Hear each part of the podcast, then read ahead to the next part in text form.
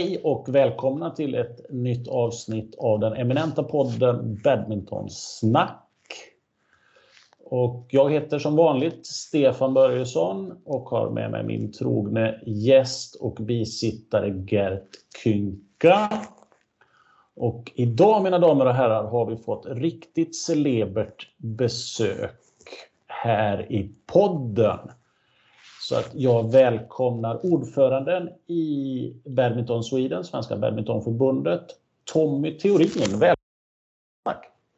Tack så mycket. Det var en fantastisk introduktion med celebert besök. Jag känner mig som en av, en av alla andra i svensk badminton helt enkelt. Men tack för att ni bjuder in mig. Det gör vi så gärna. Många i badmintonvärlden känner ju till ditt namn och vet kanske vem du är. Men du kan berätta gärna lite mer om vem du är och din bakgrund. Jag är en eh, Malmökille som alltid har bott i Malmö i alla mina år. Eh, jag har uppnått en ålder av eh, 70, jag är på mitt 73 år så att säga. Eh, och eh, ja, bakgrunden är ju att eh, jag kom in tidigt i idrotten genom eh, min eh, pappa och hans fotbollsspel i både Malmö FF och IFK Malmö så att eh, eh, det där att känna till idrottsmiljön har jag gjort ända sedan jag var liten grabb. Och eh, sen har det vuxit med och jag började spela fotboll och eh, ishockey och badminton och sen blev det badminton som blev det stora. där jag då hade mest så att säga framgångar eh, och jag blev landslagsspelare och sen efter min karriär så blev jag tränare och eh, hade då glädjen att eh, kunna vinna svenskt mästerskap både som spelare innan i lag och som tränare. Sen blev jag, eh, jag var då yrkesverksam inom trävarubranschen men jobbade på en firma som gick konkurs och det var kanske lyckan i livet. För sen hade jag fem år som vikarierad vikarierande gympalärare och sen så kom ett erbjudande från en Malmöförening som heter GOK Enighet med tio sektioner. Och eh, där blev jag konsulent och det var väldigt intressant för det var en väldigt bred idrottsvärld att komma in i. Eh, intressant så tillvida man lärde sig mycket. Karatesektionen var en av världens bästa så där var världsmästare och, och sen hade vi andra mindre sektioner så det var ju allt från topp till bredd. Sen blev plötsligt en dag så ringde telefonen och så blev jag eh, approachad av eh, en viss Percy Nilsson om jag ville bli klubbdirektör i Malmö ishockeyförening. Och eh, eftersom jag då hade tidigare också haft intresse i ishockey, att jag var ishockeymålvakt, så jag kände och jag gick mycket på ishockey också. Eh, så, eh, ja, så jag tackade snabbt ja till detta, det var intressant. Och sen hade vi åtta fantastiska år att växla från en division 1-klubb till att bli som svenska mästare och sedan också två gånger gick upp i elitserien och sen så då blev vi Europamästare också. Så fantastiskt. Sen fick jag ett erbjudande från fotbollen att bli generalsekreterare för svensk elitfotboll. Och eh, det gillades ju inte av Percy och så vidare men jag kunde inte motstå detta utan eh, det var, eh, fotbollen låg mig väldigt varmt om hjärtat ju sen, sedan eh, tiderna från eh, min uppväxttid. Och sen så var jag i eh, 18 år i svensk elitfotboll och därefter så blev det eh, två år som jag avslutade med eh, att när jag fyllde 65 så sa jag att jag vill jobba till 67 och jag ser gärna att det kan vara en efterträdare till mig under tiden. Eh, ni får göra som ni vill men så blev jag erbjuden att bli VD för ett bolag som vi hade inom fotbollen som då såg till så att eh, vi introducerar all wifi-utrustning på alla allsvenska och superettan-arenor. Och sen slutade jag och sen precis i vevan kom det ett erbjudande som förvånade mig mycket att jag blev uppringd av eh, några badmintonentusiaster och frågade om jag ville bli ordförande i Svenska badmintonförbundet och det var inte svårt att tacka ja till det heller för det som sagt var det var hem till barnhemmet så att säga. Det var en, en lång utdragen introduktion men jag försökte få med det mesta. Ja, det var, inte, var inte så farligt långt. En lång karriär bakom dig, det tar ju ett tag. Eh, vad, vad, var det som fick dig att tacka ja så enkelt till ordförandeposten i Badminton Sweden?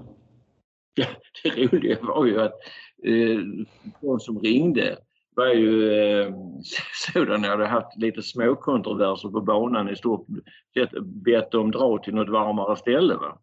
Och det gjorde mig då eh, tänkte jag, nej men det, det, det, här känns någonting att bita i för jag har ju på distans, eller jag följde på distans badminton ju. Och det är så lätt att säga att allting var bättre förr men eh, vi hade ju på min aktiva karriär var vi ju så att säga sämst i Europa tvåa, trea och i världen låg vi omkring femte, sjätte plats. Och jag såg hur det har blivit och eh, såg också hur tidningsrubriker och tidningsutrymme minskade mot vad det har skrivits förr om badminton. Just i den regionen där jag, där jag bor, eh, i Malmö. Och, eh, så jag tänkte att det kan vara kul att sätta, sätta tänderna i det här. Så att, eh, det, det, det, var inte svårt för mig för jag kände detta som ett väldigt eh, hedersamt att jag fick för det första frågan att kunna komma tillbaka och sen kände jag att liksom här, här kan man vara och det var inte frågan om att man skulle sätta sig som ordförande som det brukar säga att sitta i en styrelse utan det gäller att jobba. Du är, du är ju som du sa tidigare själv gammal elitspelare. Hur, hur kändes det att ta över ordförandeklubban i din, i din gamla sport om man säger så? Nej men den, alltså badminton har ju förändrats oerhört. Eh, jag brukar leva efter mottot att eh, man ska leva i nuet. Och då kan man titta tillbaka hur det var och så eh, se då liksom, eh, ja vad har förändrats? Ja det är en oerhörd konkurrenssituation. Sen, sen badminton blev OS så har ju många nationer Eh, kommit fram med stora satsningar och så vidare. Jag menar, jag brukar alltid skämta om att den klubb i MHI som jag representerar, vi hade mycket landslagsspelare. Hade jag förlorat mot en fransman hade jag inte vågat visa mig på träningen på två veckor helt enkelt. Eh, så var det, men idag är Frankrike en, en toppnation. Så att, eh, så att det, det, det, det, var något att bita i och så var det roligt att komma tillbaka och träffa lite folk som man kände sen innan också. Så det var, inte, det, var, det var inte svårt. Jag kände detta att eh, det var roligt. Men Tommy, ehm, hur är det att vara ordförande i en organisation som Badminton Sweden? Eh, Badminton Sweden har ju några anställda, eh, men sen är det ju ett stort land och många klubbar och mycket att sköta och mycket stor last att dra framåt. Ehm, hur ser du på det? Jag ser det som en utmaning för alla och det är ju, det är ju för alla oss involverade. Att ska vi eh, lyfta och ska vi uppåt i världsrankingen, ska vi uppåt och bli ännu bredare sport. Eh, vi har ju, vi kan ju se hur veterangänget har ju växt under åren. Det har blivit en stor massa i svensk badminton. Det fanns ju inte på det sättet förr. Men eh, ska vi tillbaka igen så måste alla hjälpas åt. Det är tillsammans vi kan lösa detta och där, där måste man ju vara som en lagledare i styrelsen och styrelsen som en form av lagledare till övriga badminton-Sverige. Enda sättet vi kan göra det, det är att vi arbetar tillsammans och eh, lägger åt sidan andra saker. Något som gläder mig väldigt mycket kan jag säga spontant, det är ju att Viktor Badmintonligan har blivit rikstäckande igen. Det ser jag som en mycket, mycket viktig del i vår svenska badmintons eh, utveckling. Det var ju under ett visst antal år det var koncentrerat kring ett visst område men idag är ju vår badmintonliga i stort sett rikstäckande. Och just lagsport ligger mig väldigt varmt om hjärtat. Mm. Men um, hur, hur aktivt måste styrelsen och, och du som ordförande vara i en sån organisation och, och vad är de största utmaningarna för er? Och för dig? Ja, det är ju, det är ju framförallt det är ju, nu ska vi inte prata om som situationen ser ut just idag för nu har vi, vi ja, lever i en speciell eh, precis. pandemi men vi kan ta det i stort. Eh, det är ju att eh, se till så att vi har en stabil och bra ekonomi för det är grunden för allting. Och det har vi ju sett till och svensk, svensk badminton genom åren sett att bygga upp ett kapital som, som är en bra grund. Eh, sen gäller det ju att få alla med på båten och ha medarbetare som är entusiastiska, som vill någonting och som är lojala. Eh, och det är likadant i en styrelse. Styrelsen är uppdelad så att alla har ju olika verksamhetsområden att verka inom. Eh, sen som ordförande, om man går in på det, jag, till exempel jag har ju daglig kontakt med kansliet till exempel. Men det är också lätt för mig att säga så här att jag, men, eh, i den ålder jag är så har jag ju lever jag ett så kallat pensionärsliv så att jag har ju tid att lägga på det här även om jag råkar ha andra uppdrag. Och det är en fördel ju. Men eh, det gäller att bilda ett, ett, ett lag. Det, det, är väldigt viktigt i allting att man är ett lag tillsammans Om det sen är ett kansli eller en styrelse eller Svensk Badminton. Utan det gäller att få med alla på båten och verkligen säga att eh, nu, nu lägger vi det här åt sidan och nu tittar vi inte bara på mitt eget utan vad är bäst för svensk badminton och det ser jag som väldigt viktigt arbete framåt och eh, ja, det är väl kort hur jag skulle beskriva Ja, och du har nämnt eh, nu flera, i flera svar att, att man ska göra det tillsammans. För att lyfta svensk badminton så måste alla stå bakom det och ha gemensam mål och så vidare. Men, men hur svårt eller hur lätt är det egentligen att få alla att dra åt samma håll? I badminton-Sverige, inte bara nu inom förbundet och, och ni som ett lag då, men, men om man tar in alla klubbarna till exempel, är det, finns det utmaningar eller är det lätt? Eller? Nej men det är, det är, ju, det är en utmaning. Eh, sen ska man ju liksom, eh, eftersom jag är en väldigt tävlingsinriktad människa, mycket vad jag gör och alltid varit hela mitt liv, så, så ser man ju detta, eh, försöka få med alla. Det är mycket lättare om man jobbar i en klubb till exempel att kunna vara med och styra med. Här, här är det ju stora beslut som ska tas på riksnivå. Och, men det gäller ju att arbeta och ha god kontakt ute, försöka vara på tävlingar, försöka vara ute och träffa folk. För det är just det som är nyckeln till framgång, att man pratar med varandra. Mm. Att vi tittar framåt, vad, vad kan vi göra tillsammans och så vidare. Ja.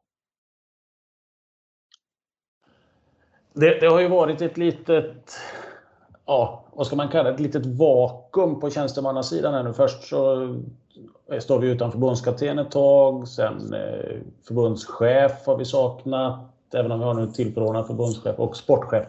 Hur har det påverkat din roll som ordförande? Har du fått dra ett tyngre lass när du inte riktigt har haft de funktionerna på kansliet under det? Nej, men det, det, vi har ju löst detta tillsammans. Eh, Thomas Angert har ju hela tiden funnits med i bakgrunden och varit väldigt lojal. Nu råkar jag känna Thomas sedan många, många år tillbaka. Men han har varit med och Åsa har ju gjort ett fantastiskt jobb på ut, vet du, utbildningssidan och eh, nu har vi fått nyförvärv av Mia och Christer har ju också varit en väldigt stor kraft bakom. Så att man har folk och jag är ju som sådan att eh, min telefon är alltid öppen.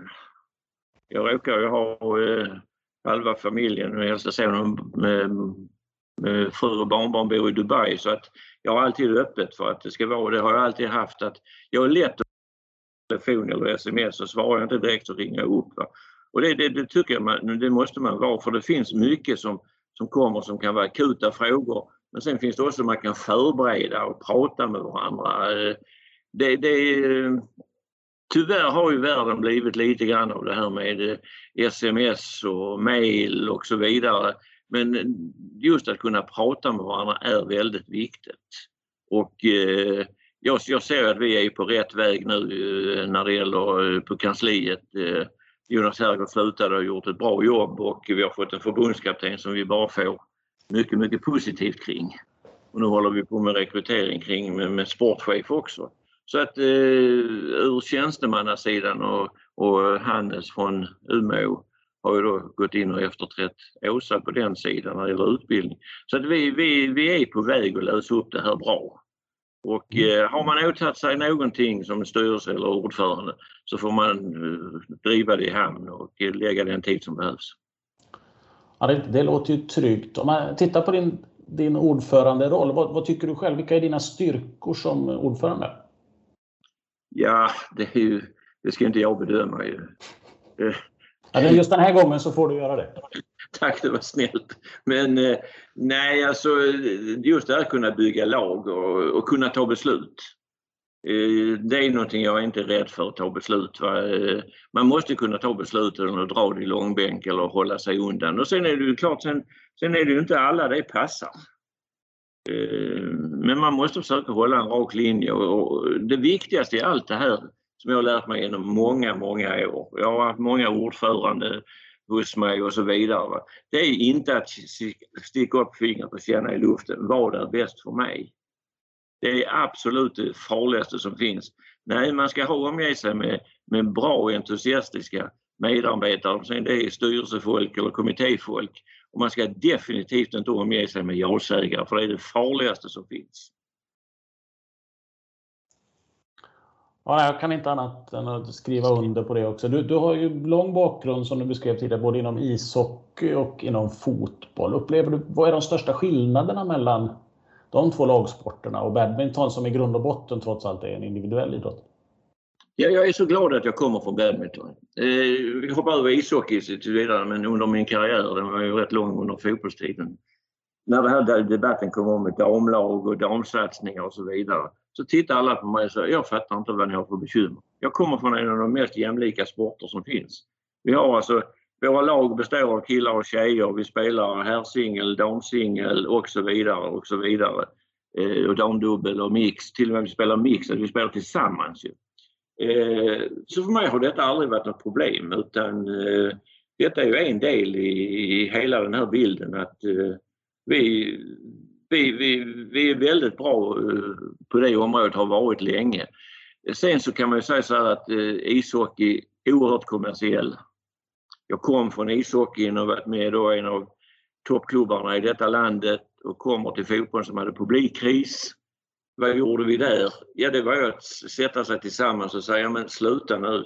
Det man kan göra i eh, Malmö kan man göra i Sundsvall och så vidare. Så vi bildade ju team och eh, det blev så att eh, vi hade mycket nära samarbete. Det var inte alls strid mellan så att säga ligan som jag tror tillhörde Svensk Elitfotboll och förbundet utan jag hade mycket nära samarbete med Lars-Åke Lagrell som då var förbundsordförande.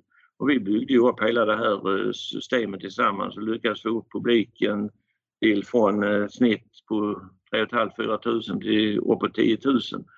Eh, TV kom in i bilden så det, det är helt andra pengar i fotbollen och ishockeyn, där kom, den var ju mycket mer kommersialiserad än vad fotbollen sen har blivit. Så det var ju lätt att kunna ta saker med sig och föra över. I och med att det gav resultat så var det lätt att komma igen. Men det är två skilda världar. Man kan säga ishockey, fotboll, eh, de har ju ett helt annat eh, publikintresse och allmänt intresse. Badminton kämpar på ett annat sätt. Skulle vi få en sponsor på 100 000 så ska vi jubla till exempel.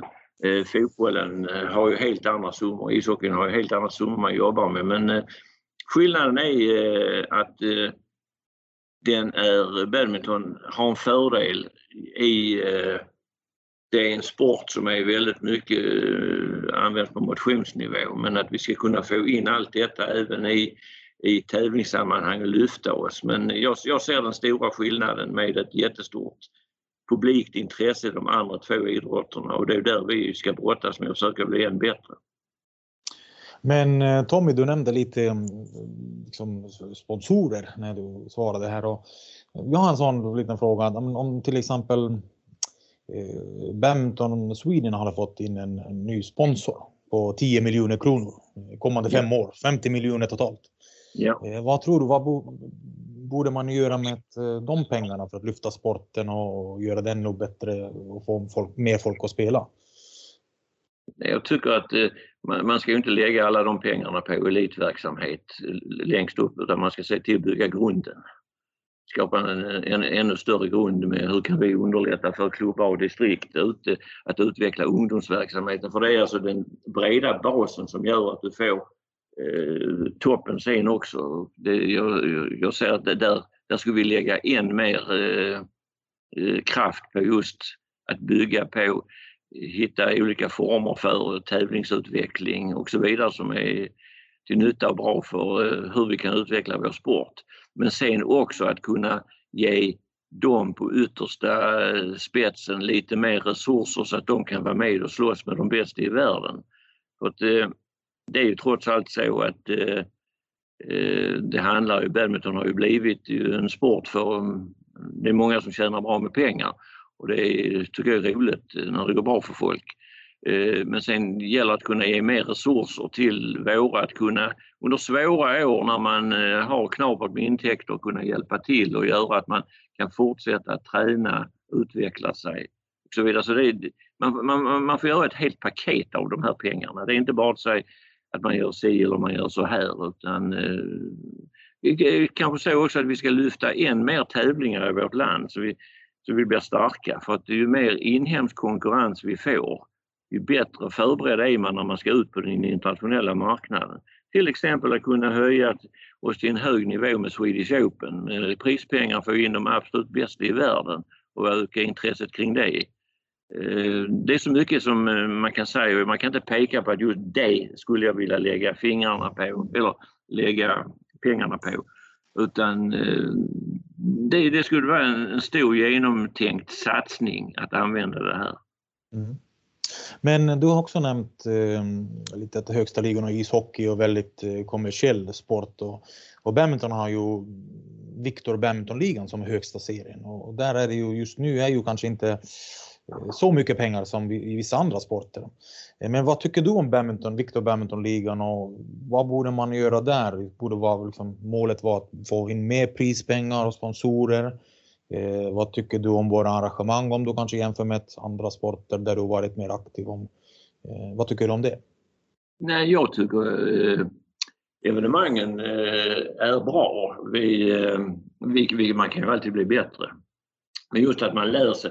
Det var, det var ju en av grundbultarna när vi försökte bygga upp publikintresse i fotboll att vi skulle göra våra evenemang mer och bättre. Eh, man kunde inte göra något åt hur arenorna såg ut men att vi då kunde vara eh, mer aktiva, att locka folk och, och, när man var på evenemanget att göra det mer lättillgängligt. Jag tycker att klubbarna utvecklas väldigt bra i det här. För, för mig är Victor Badmintonligan en mycket viktig faktor i eh, svensk badminton. Att eh, lyfta upp den på en nivå. Sen kan man alltid, sen finns det ju en diskussion att vi har mycket utländska spelare eh, och så vidare. Men det är kanske så, eh, om jag får lov att sticka ut eh, hakan och det är kanske inte alla som tycker om det. Jag skulle vilja att vi utve började utveckla den till att vi hade dubbelmöten i grundserien. För att nu blir klubbarna bättre och bättre på att ta hand om sina egna evenemang, bygga upp kring sponsorer, bygga upp kring, kring eh, åskådare och så vidare. Att göra det. Och då, då får man, bygger man upp det kring att man har, vet att man har ett eh, stationärt program så bygger man också en stabil grund för eh, att kunna utveckla sina egna evenemang. Och när man gör det bra i Uppsala så lär ju Malmö utav detta och kan ta detta med sig. Och där har vi ju som ett förbund väldigt viktigt att gå in och sätta, sätta krav och säga att det här ska finnas på varje eh, evenemang. Och hade vi då haft pengar att kunna gå in och satsa på än mer kring marknadsföring och annat, ja, då hade vi kanske kunnat hjälpa till på den sidan också. Så, att, så det är någonting som, men det är inte så konstigt. Jag är uppväxt i en klubb i Malmö. Vi, var, vi vann ju SM-trofén och när man väl bildade serier och annat så var vi ju bäst i Sverige. Så att lagidrott har alltid legat mig väldigt varmt om hjärtat. Och, och det var en och, när jag blev ordförande så var det faktiskt, jag sa faktiskt på årsmötet, jag hoppas att vi kan få till en badmintonliga som är rikstäckande. Och det har vi nu och det tycker jag vi ska fortsätta värna om. Mm. Men det har ju varit väldigt speciella tider eh, om man tänker på alla evenemang och folksamlingar och, och det, så har det ju varit för alla och, och med tanke på pågående pandemin. Eh, ja, som sagt, speciella tider. Och, men hur har det varit för, eh, för dig och hela Badminton Sweden? Och vad tycker du, vad har hänt inom badminton under den tiden till exempel? Eh, det har varit mindre tävlingar generellt och, och hur ser du på liksom kommande halvår, ett år för svensk badminton? Nej, alltså det är, det är bara att konstatera att eh, när det här kom i våras så eh, alla blev ju tagna och vi bildade ju fort, det, vi har ju en grupp som heter Serie Tävling som handlägger de här tävlingsfrågorna och då eh, kom vi överens om att vi stärkte upp den eh, med att eh, jag gick in i gruppen och Thomas Ankart gick in i gruppen för att vi skulle kunna ha nära, kunna, och då har vi då Daniel Toll också i gruppen som är i styrelsen. Så att när man tar beslut i serietävling så vet vi att vi kan förankra det fort i styrelsen. För det är ytterst styrelsen som har ansvaret. Men det här är en, en period som är mycket, mycket svårhanterlig. Jag har fortfarande mycket kontakt med andra idrotter och eh, andra idrotter fasar för 2021 för då kan det bli genomslag på sponsormarknaden, på andra avtal och så vidare och publik kan vi bjuda till. Och då har man eh, tärt på alla, eh, allt det går att tära på under det här året och då 2021 kan det bli värre.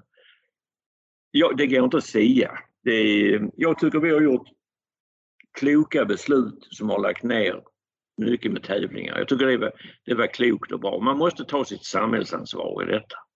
Och måste vi ta sådana svåra beslut eh, som nu har kommit, för nu har det accelererat sista veckan. Det började med Uppsala restriktioner, det kom sen kom Malmö och idag eh, vet jag att det har varit ett möte på morgonen eh, just i Stockholmstrakten hur man ska tyda de här till rekommendationerna, avrådan och bör och att det inte står skall och så vidare. Men här gäller det att ha vett och sans. Och för, för, om jag kan uttrycka min sida att se på det så ser jag att hälsa och liv går före. Det är viktigare för oss. Men det gäller också att hålla evenemang och träningar igång. Men vad gör du om du skulle göra något och du skapar ett, eh, en grupp där med lite som har drabbats av coronasmitta och annat. Det är inte lätthanterligt och det ska man stå till svars för. Så vi, har, vi har mycket svårt framför oss att jobba med så att, eh, och det går inte att säga i detta. Mm, förstår det. Men, eh, men om man tittar lite längre fram ehm, i framtiden och vi alla hoppas ju att, att den tiden så snabbt som möjligt tar slut. Eh, men, men vad är ehm, din vision för svensk badminton om vi pratar om 3, 4, 5 år framåt och 10 år framåt? Ja, min vision är ju att vi ska få eh, resurser så att vi ska kunna växla upp och det går alltid att drömma och säga att eh, ja, det skulle vara skoj om vi var bland de 10-12 bästa nationerna i världen igen. Det är, det är ju den största drömmen som finns, att vi ska utvecklas där. Men det är ju lätt att säga det målet, men sen måste vi också utvecklas, få mer utrymme i hallar, få, få tillbaka än mer eh, breddverksamheten, för det är den som ligger till grund för eh, intresse och eh, sen att man kan bygga uppåt. Så att det är ett gediget arbete. Att, framförallt är det att utvecklas inom sitt eget land, att bli stora. Sen är man beredd att gå ut i världen och där har vi ju lite att ta på men jag, jag känner ju det är så mycket positivt som folk kommer med kloka fina idéer och eh, jag känner inte liksom att det är en, en enorm pajkastning eller sånt mot varandra utan eh, målet är ju att göra svensk badminton bredare men också bättre uppåt. För att eh, vi ska bli också intressanta. Kan vi bli en stor sport på hemmaplan. Eller rättare sagt en större sport än vad vi är idag för vi är ju, vi, vi är ju rätt så stora i, i sammanhanget ska vi komma ihåg så vi ska inte alls pressa ner det. Men att vi kan bli än större och än mer framgångsrika så måste det vara vår målsättning. Jag, jag hade hoppats att säg inom eh, tre år, ja 15 bästa i världen till att börja med och sen så då gradvis eh, trappa upp. Och, sen, sen kan man ju säga så här, med tanke på vad som satsas i pengar och annat i världen. Ja, vi kan, det är kanske svårt att komma tillbaka hur vi en gång var men man måste ha målsättningen. Man får inte bara sätta sig och säga det går inte för det är det värsta ord som finns. Alltså, det går inte. Mm. Utan alla måste uh, säga liksom att se, se framåt. Inte titta på problem utan säga istället lösningar. Mm. Hur, hur, viktigt tror du det är med eh, fixstjärnor i sporten? Jag tänker på en tidigare relativt obskyr idrott som eh, skidskytte som inte väckte någon större uppmärksamhet och sen kommer Wolfgang Pichler och Magdalena Forsberg och radar upp framgångar och sporten växer till att bli en av de större vintersporterna i Sverige. Tror, tror du badminton skulle kunna dra nytta av en, en fixstjärna typ Magdalena Forsberg? Ja kan vi få henne till att bli en bra badmintonspelerska på så, så tack för förslaget. ska ringa. Hon är, hon är pricksäker i alla fall. ja precis. Varför sitter på rätt ställe. Nej, eh, det är ju klart att det är väldigt viktigt att kunna få en fixstjärna. Eh, men det är ju också, det viktiga i detta är ju att få spelarna att spela längre på elitnivå, att de inte slutar för tidigt. Badminton är ju en sport som, eh, jag ska inte säga komplicerad, men den är ju rätt svår både taktiskt och eh, tekniskt och, och, fysiskt att genomföra. Men, men man lär sig ju mer och vi ska få, kunna få spelarna att kunna fortsätta spela på högsta nivå längre och att inte lägga av så tidigt. Det gör ju då att man kan fylla på under. För ju bredare topp man har och sen kan man speciellt då ha en fixstjärna så är det ju oerhört viktigt. Och då ska det vara en fixstjärna som är en fixstjärna eh, som kan bjuda på sig själv. Eh, det, det, är naturligtvis en aspekt på det. Jag håller med. Det vore ju bra om vi kunde få spelare att hålla på längre. Många slutar ju tyvärr i kanske framförallt i övergången från junior till senior, men det är många seniorer som slutar tidigt också. Men jag ser att det finns även många duktiga badmintonspelare som slutar helt med badminton. Allting inom badminton när deras elitkarriär är över. Hur, hur fångar vi upp de här och hur drar vi nytta av deras kunskap och erfarenhet i ledarroller, domarroller och så vidare? Kanske sitta i styrelsen för Badminton Sweden framöver. Ja, det kan jag säga, det var, det var faktiskt en liten eh, chock för mig när jag kom tillbaka till badminton efter så många år. Visserligen har jag följt det på hela tiden eh, och pratat med folk som jag känner och så vidare. Även jag har varit mycket på andra idrottsevenemang som fotboll och sånt som jag var mycket runt på så träffar man ju gammalt badmintonfolk och sånt så man hade ju kontakt. Men när jag sen kom tillbaka i sporten av hur få av de äldre spelarna, så från typ min generation och de generationerna efter detta som fanns i vår verksamhet. Och här måste vi bli bättre på att ta hand om det våra. Men Sverige överhuvudtaget är dåligt i idrottssammanhang på att ta hand om legender och andra före detta, att få in dem i viktiga roller i verksamhet. Sen är det inte alla som ska vara tränare, det är inte alla som ska vara, eh, syssla med just det eller det och det utan eh, bara få in dem och ha dem, att komma på tävlingar till exempel. Eh. Jag ser, ser gamla badmintonspelare komma på en badminton, nu tar vi bara exempel som en badmintonligamatch och kunna vara där och oj, där är den och så bli lite presenterade och lite hyllade. Vi ska inte vara rädda för att hylla gamla, gamla godingar alltså. I Amerika är de ju fantastiska på detta. En gång champ så är man ju alltid champion. Men vi har lite lättare i Sverige överhuvudtaget i alla idrotter att säga att eh, de har gjort sitt. När det gäller att suga till sig för det finns ju kunskaper som bara försvinner bort. Och sen så, sen så är det ju det jag tycker är mest kris ju, det är ju när spelare slutar spela på en hög nivå och inte i så, eh, så eh, väl ålder. Och jag blev väldigt, väldigt besviken naturligtvis. Jag hade mycket samtal när, när eh, er gamla spelare och han plötsligt bara slutade och la av. Jag tror han hade det bästa framför sig. Han och eh, Amanda, jag tror de hade det bästa framför sig. Men varför tror du att det är så att så många, bara, de som ändå varit på ganska hög nivå, att de väljer att bara sluta? Eh, att man inte väljer att vara kvar i sporten eller vad, vad tror du? Nej men jag ser ju överhuvudtaget klubbarna är väldigt dåliga på att ta hand om. Eh, och det, det är den sociala miljön som vi har. Eh, om du går till andra landet på andra sidan sundet, Danmark. Mm som jag har haft mycket att resa i, eh, både ur, ur andra idrotter men också i badminton. Där man eh, i många, många hallar, fredagskvällar, finns det gamla spelare och andra som kommer dit och äter lite smörrebröd och man umgås och har trevligt och så. Vi, ska, vi saknar den kulturen i Sverige. Eh, men alltså att man, man bjuder in de här. Det är lite grann som att ah, nu slutar den. Jaha, men så frågar man då Eh, vill du fortsätta i någon roll? Nej, jag, är, jag har så mycket nu, jag är trött på det. Men då får man ju komma tillbaka kontinuerligt och fråga spelare den och den och säga kan du inte hoppa in här och göra det? Och kan du inte vara med? Vi ska ha, vi ska ha nu här kring en tävling ska vi ha en liten eh, VIP-lunch och sånt. Kan du inte vara med och berätta lite grann från din tid och så lyfta upp folket igen och kunna berätta så ja men jag är ju behövd det är många som känner liksom att nej, de vill inte ha med mig att göra. Och det är ju upp till oss att vända detta och säga jo, vi vill ha in er. Mm. Men eh, Tommy, du har ju sagt i flera svar också att man ska liksom göra det tillsammans och sen att målet skulle kunna vara topp 15 i världen. Och, men hur skulle vi då kunna göra det och vart ligger det ansvaret till exempel? Ni sitter ju i Badminton Swedens styrelse och det finns ju Badminton Sweden anställda. Och, vart ligger det ansvaret eller hur, hur, hur ska man dela det mellan Badminton Sweden och med alla klubbarna och alla ledare och, och klubbarnas styrelser? Liksom. Hur ska vi få ihop det där? Jag, jag ska dra ett exempel.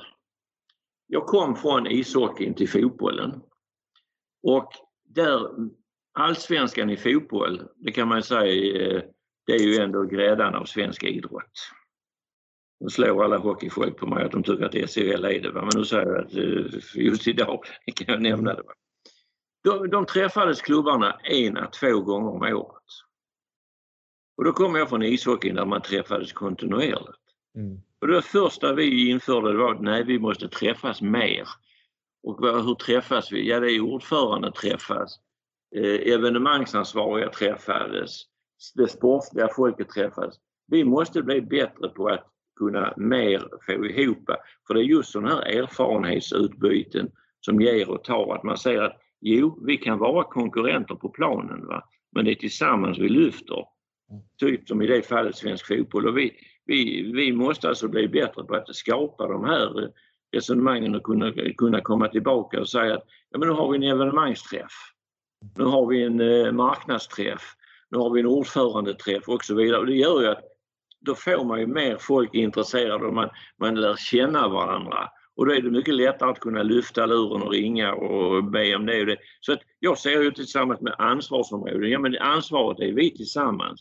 Men sen har ju styrelsen ett oerhört stort ansvar att kunna genomdriva det här neråt. Mm. Och det måste ju komma därifrån. Mm. Men ehm, hur är det generellt ehm, just för dig som ordförande?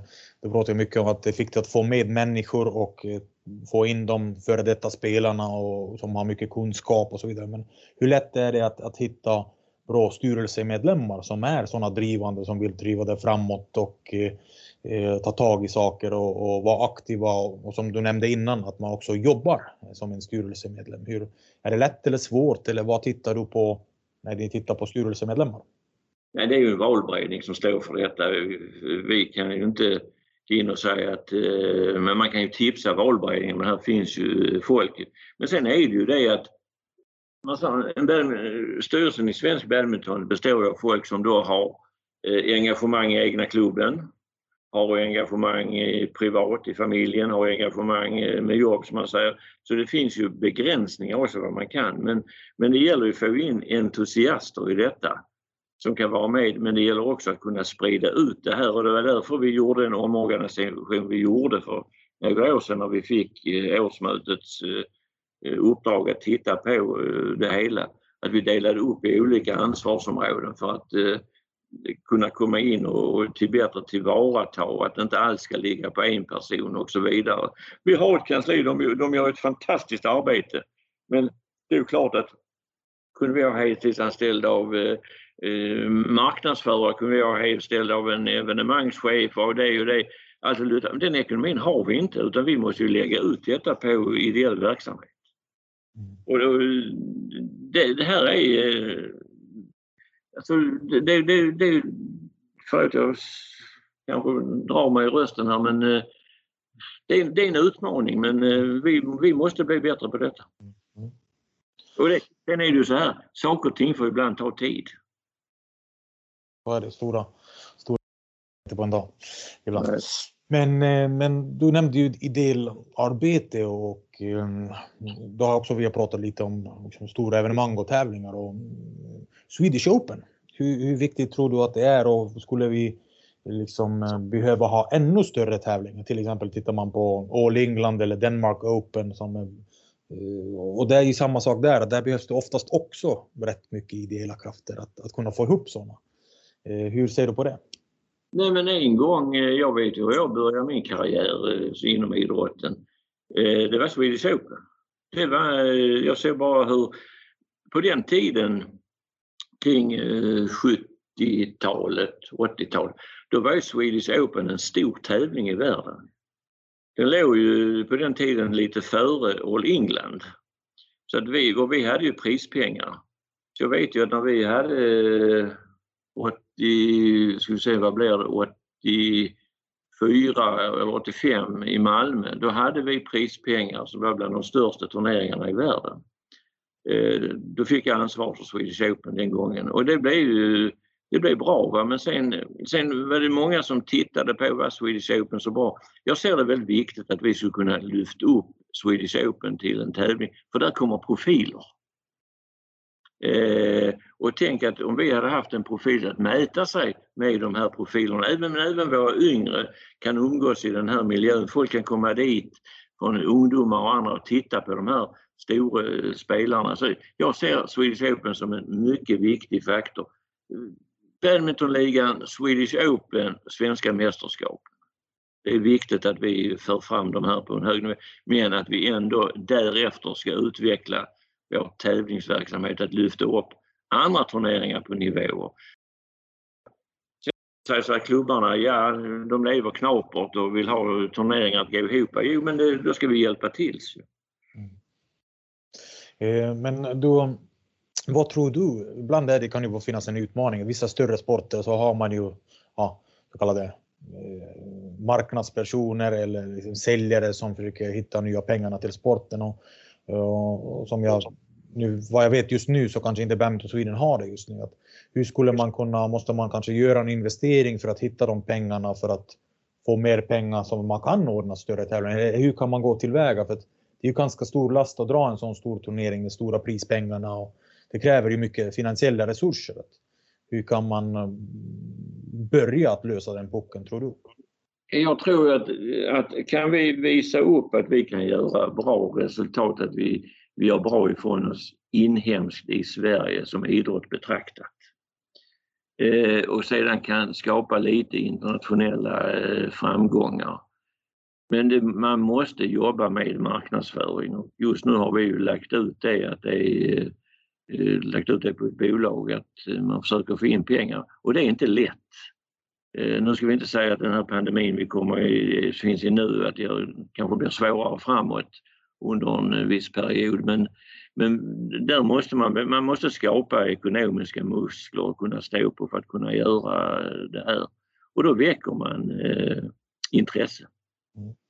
Och finns det några, mm, eh, Tänk, du har ju varit idrotter också som har kanske kört samma resa. Finns det någon som vi skulle kunna ta en ganska konkret exempel som hade passat perfekt just i, för badminton i den situation vi är just nu? Om du skulle kunna jämföra med? Ja, jag kan ju inte. Men det, det gäller att ta russinet av det bästa. Jag vet ju när jag en gång var med när vi tillsammans med Percy Nilsson när vi byggde upp hockeyn i Malmö. Då, då, då tog man, vad var det bästa som fanns i Sverige? Malmö FF och IFK Göteborg som hade olika filosofier. Då plockar man ur detta. Sen när vi blev lite bättre som hockeylag då tog vi en resa till Amerika, tittade på de här stora NHL-lagen. Nej, det kan vi inte jämföra oss med, men vi kan jämföra oss med hur de gör där och där. Och så tittar vi på andra lag. Man lär av varandra, man ska studera annat. Jag har ett favoritlag här i världen som eh, jag följer väldigt noga och det är Manchester United. Mm. har varit mitt favoritlag i många år. Manchester United var det första lag troligen i världen som blev kommersiellt gångbara. Och det har fortsatt med. Sen, sen kan man ju säga så här, sen kan det ju bli för kommersiellt. Va? Men det har ju ändå varit att, eh, att eh, man har skapat eh, spelare som har varit väldigt attraktiva just som förgrundsfigurer. Jag, jag tittar ju mycket, jag har tittat genom åren mycket på hur, hur Manchester United arbetar. Sen råkade jag då få så god kontakt när jag jobbade inom fotbollen så jag hade ju sändningar direkt in i klubben som man kunde ringa till och så vidare. Det glädde mig oerhört. Men eh, det, det är att man, man, man, tar, man ympar från andra. Hur har andra gjort? Man ska, inte vara beredd, man ska inte vara rädd för att titta på hur har andra gjort för att uppnå den här. Eh, man ska inte vara avundsjuk på andra. Man ska ställa sig, ja men jättebra gjort, men vad kan vi ta ur det exemplet? Mm. Ja, spännande.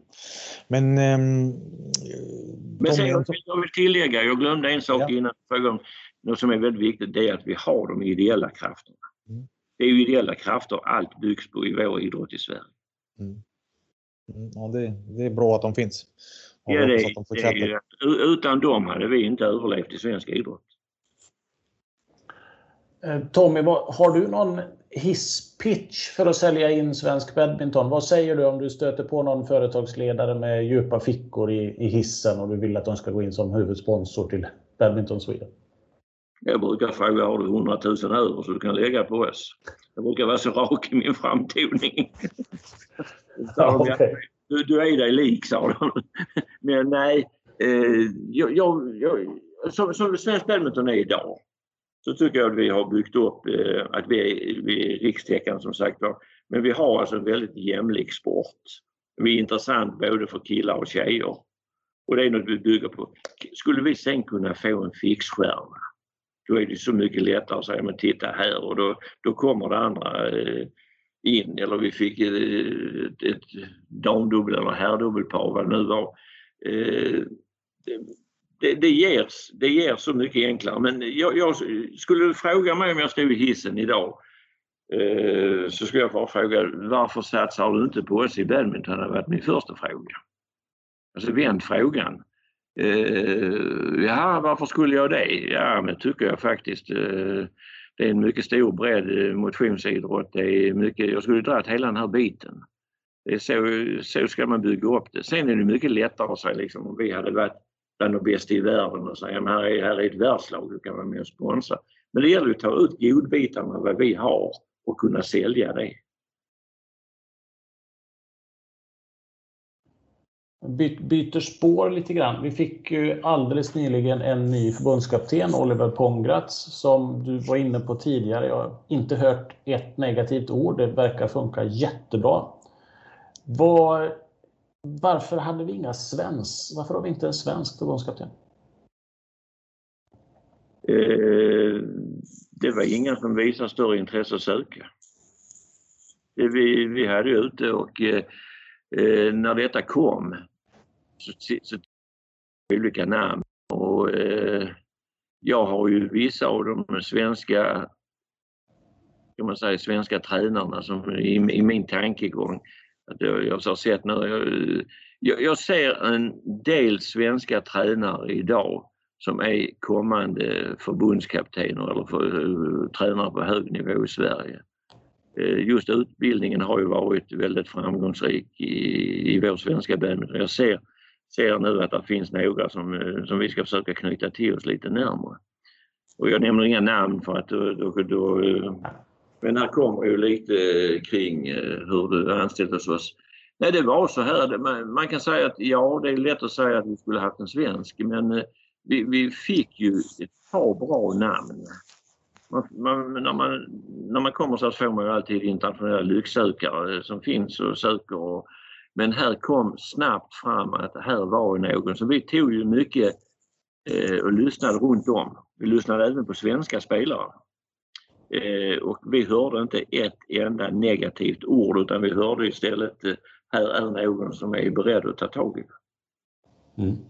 Men det, sen är det väldigt viktigt att ge denna förbundskapten ramar och möjligheter att arbeta inom. Man kan ju ha den, den bästa som finns men har de inga möjligheter att arbeta Eh, med resurser och annat och det gäller ju för oss att skapa detta. Nej, jag, jag, det är så lätt att säga hipp hipp bra, vi gjorde ett fantastiskt val va? och sen så kan man säga det vi har tidigare. Ja men hade de som var där tidigare så lätt? Nej det var kanske inte så. Nu, nu, nu plötsligt kommer ett namn som alla sa liksom eh, ja det blir bra. Alltså det, det fick man från början. Så det blev mycket, mycket lättare inkörning. Ja, framtiden får ju utvisa hur det blir och vi hoppas naturligtvis allihop på det bästa och sen så hoppas vi också på att förbundskaptensjobbet ska vara ett av de mest ärofyllda uppdragen i, inom svensk badminton så att när den kommer ut på annons så ska hela badminton-Sverige ska jubla och räcka upp handen och säga den där tjänsten vill jag ha. Men vi kanske inte riktigt är där. Eller att vi kan gå ut och pinpointa någon. Ja, men, men då är det viktigt att du har resurser att kunna göra detta. Ja. Vi, kan, vi kan ju inte gå ut och pinna främsta tränarna i världen. För vi har inte resurser, ekonomiska resurser till det. Men just att, eh, liksom att det här ska vara ett attraktivt jobb, det är helt rätt. Mm. det börjar dra ihop sig lite grann. Gert, har du någon fråga du vill lägga till? Så här ja, men jag tänkte fråga kanske en sista fråga till dem är att um, om du fick önska dig tre saker till svensk badminton, helt valfritt, till exempel uh, mera hallar eller flera tränare eller ja, men om tre stycken får du välja. Vad hade du önskat då? Ja, jag skulle önska att vi eh, har en fortsatt stabil och bra ekonomi och kan utveckla ekonomin. För ekonomin är grunden i det mesta arbetet för att kunna utvecklas. Jag skulle önska att vi kunde eh, få en eh, utveckling av eh, badmintonutrymmen i Sverige så vi kan ta in än mer folk och då menar jag att i det ligger ju att vi har ju en enorm massa badmintonspelare i Sverige alla dessa motionärer som finns med att kunna knyta in dem på ett bättre sätt i den svenska badmintonverksamheten, att få dem närmare.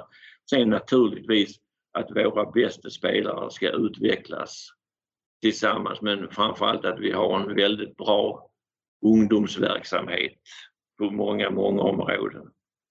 Det blev fyra, jag tar mig rätten att ta fyra områden. Tack. Någon fördel ska man väl ha att vara ordförande i Badminton Sweden. Då har jag bara en avslutande fråga. Tycker du att det är okej okay att funktionärer på en större badmintontävling har foppatofflor? Nej. Det var en mycket svår fråga. Jag ska inte lägga mig i hur folk är klädda. Va? Det kan ju vara så att man är tvungen att gå i en viss form av skor för att man, eh, man har eh, det. Nej, jag, jag tycker ju att eh, eh när man har ett evenemang så det, då, då, ska man så att funktionärer, alla som finns runt om, det ska finnas en profil kring detta. Eh, och gärna när det är klubbevenemang som jag säger, då, ska man ha, då kan man gärna ha en klubbprofil kring detta. En väldigt tydlig som profilerar sin egen klubb. Eh, sen, sen, sen det, det, det är Sen, sen om folk i foppaskor och annat, jag, jag förstår din fråga. Det, det, var, det var lätt men eh, jag skulle vilja att alla eh, var eh, klädda på något sätt eller hade en profil, inte klädda, det var fel ord, men att man har en profil över sin arrangörsdag och, och ideellt arbetande. Sen, sen, eh, sen vad, vad, man har för skor och annat och det, det, det, får man köpa på, på detta. Det får man göra. Mm. Nej, intressant. Måste säga att jag håller med. Jag tror profilbiten är otroligt viktig. Det var det på idag. Ett stort tack till dig Tommy Theorin, ordförande i Badminton Sweden. Tack Gert Kynka, min bisida och tack till Erik Jonsson som håller i tekniken. Nu är det här hos oss är det idag fredag. Jag önskar er en mycket god helg och på återhörande. Hej så länge! Tack så mycket! Tack! Tack! Kan man lov att fråga, pratar jag för mycket? Nej, det tycker jag inte alls. Det var perfekt för en eh, podd. Du kommer få höra det sen om du vill. Kan, då, kan du spela upp det för din fru. Då hade vi stängt av, hade vi stängt av mikrofonen för dig om du pratade mycket. Så det... Nej, du pratar ja, ja. på bra. Ja, det blev bra. Det nu stoppar jag inspelningen här. Ja,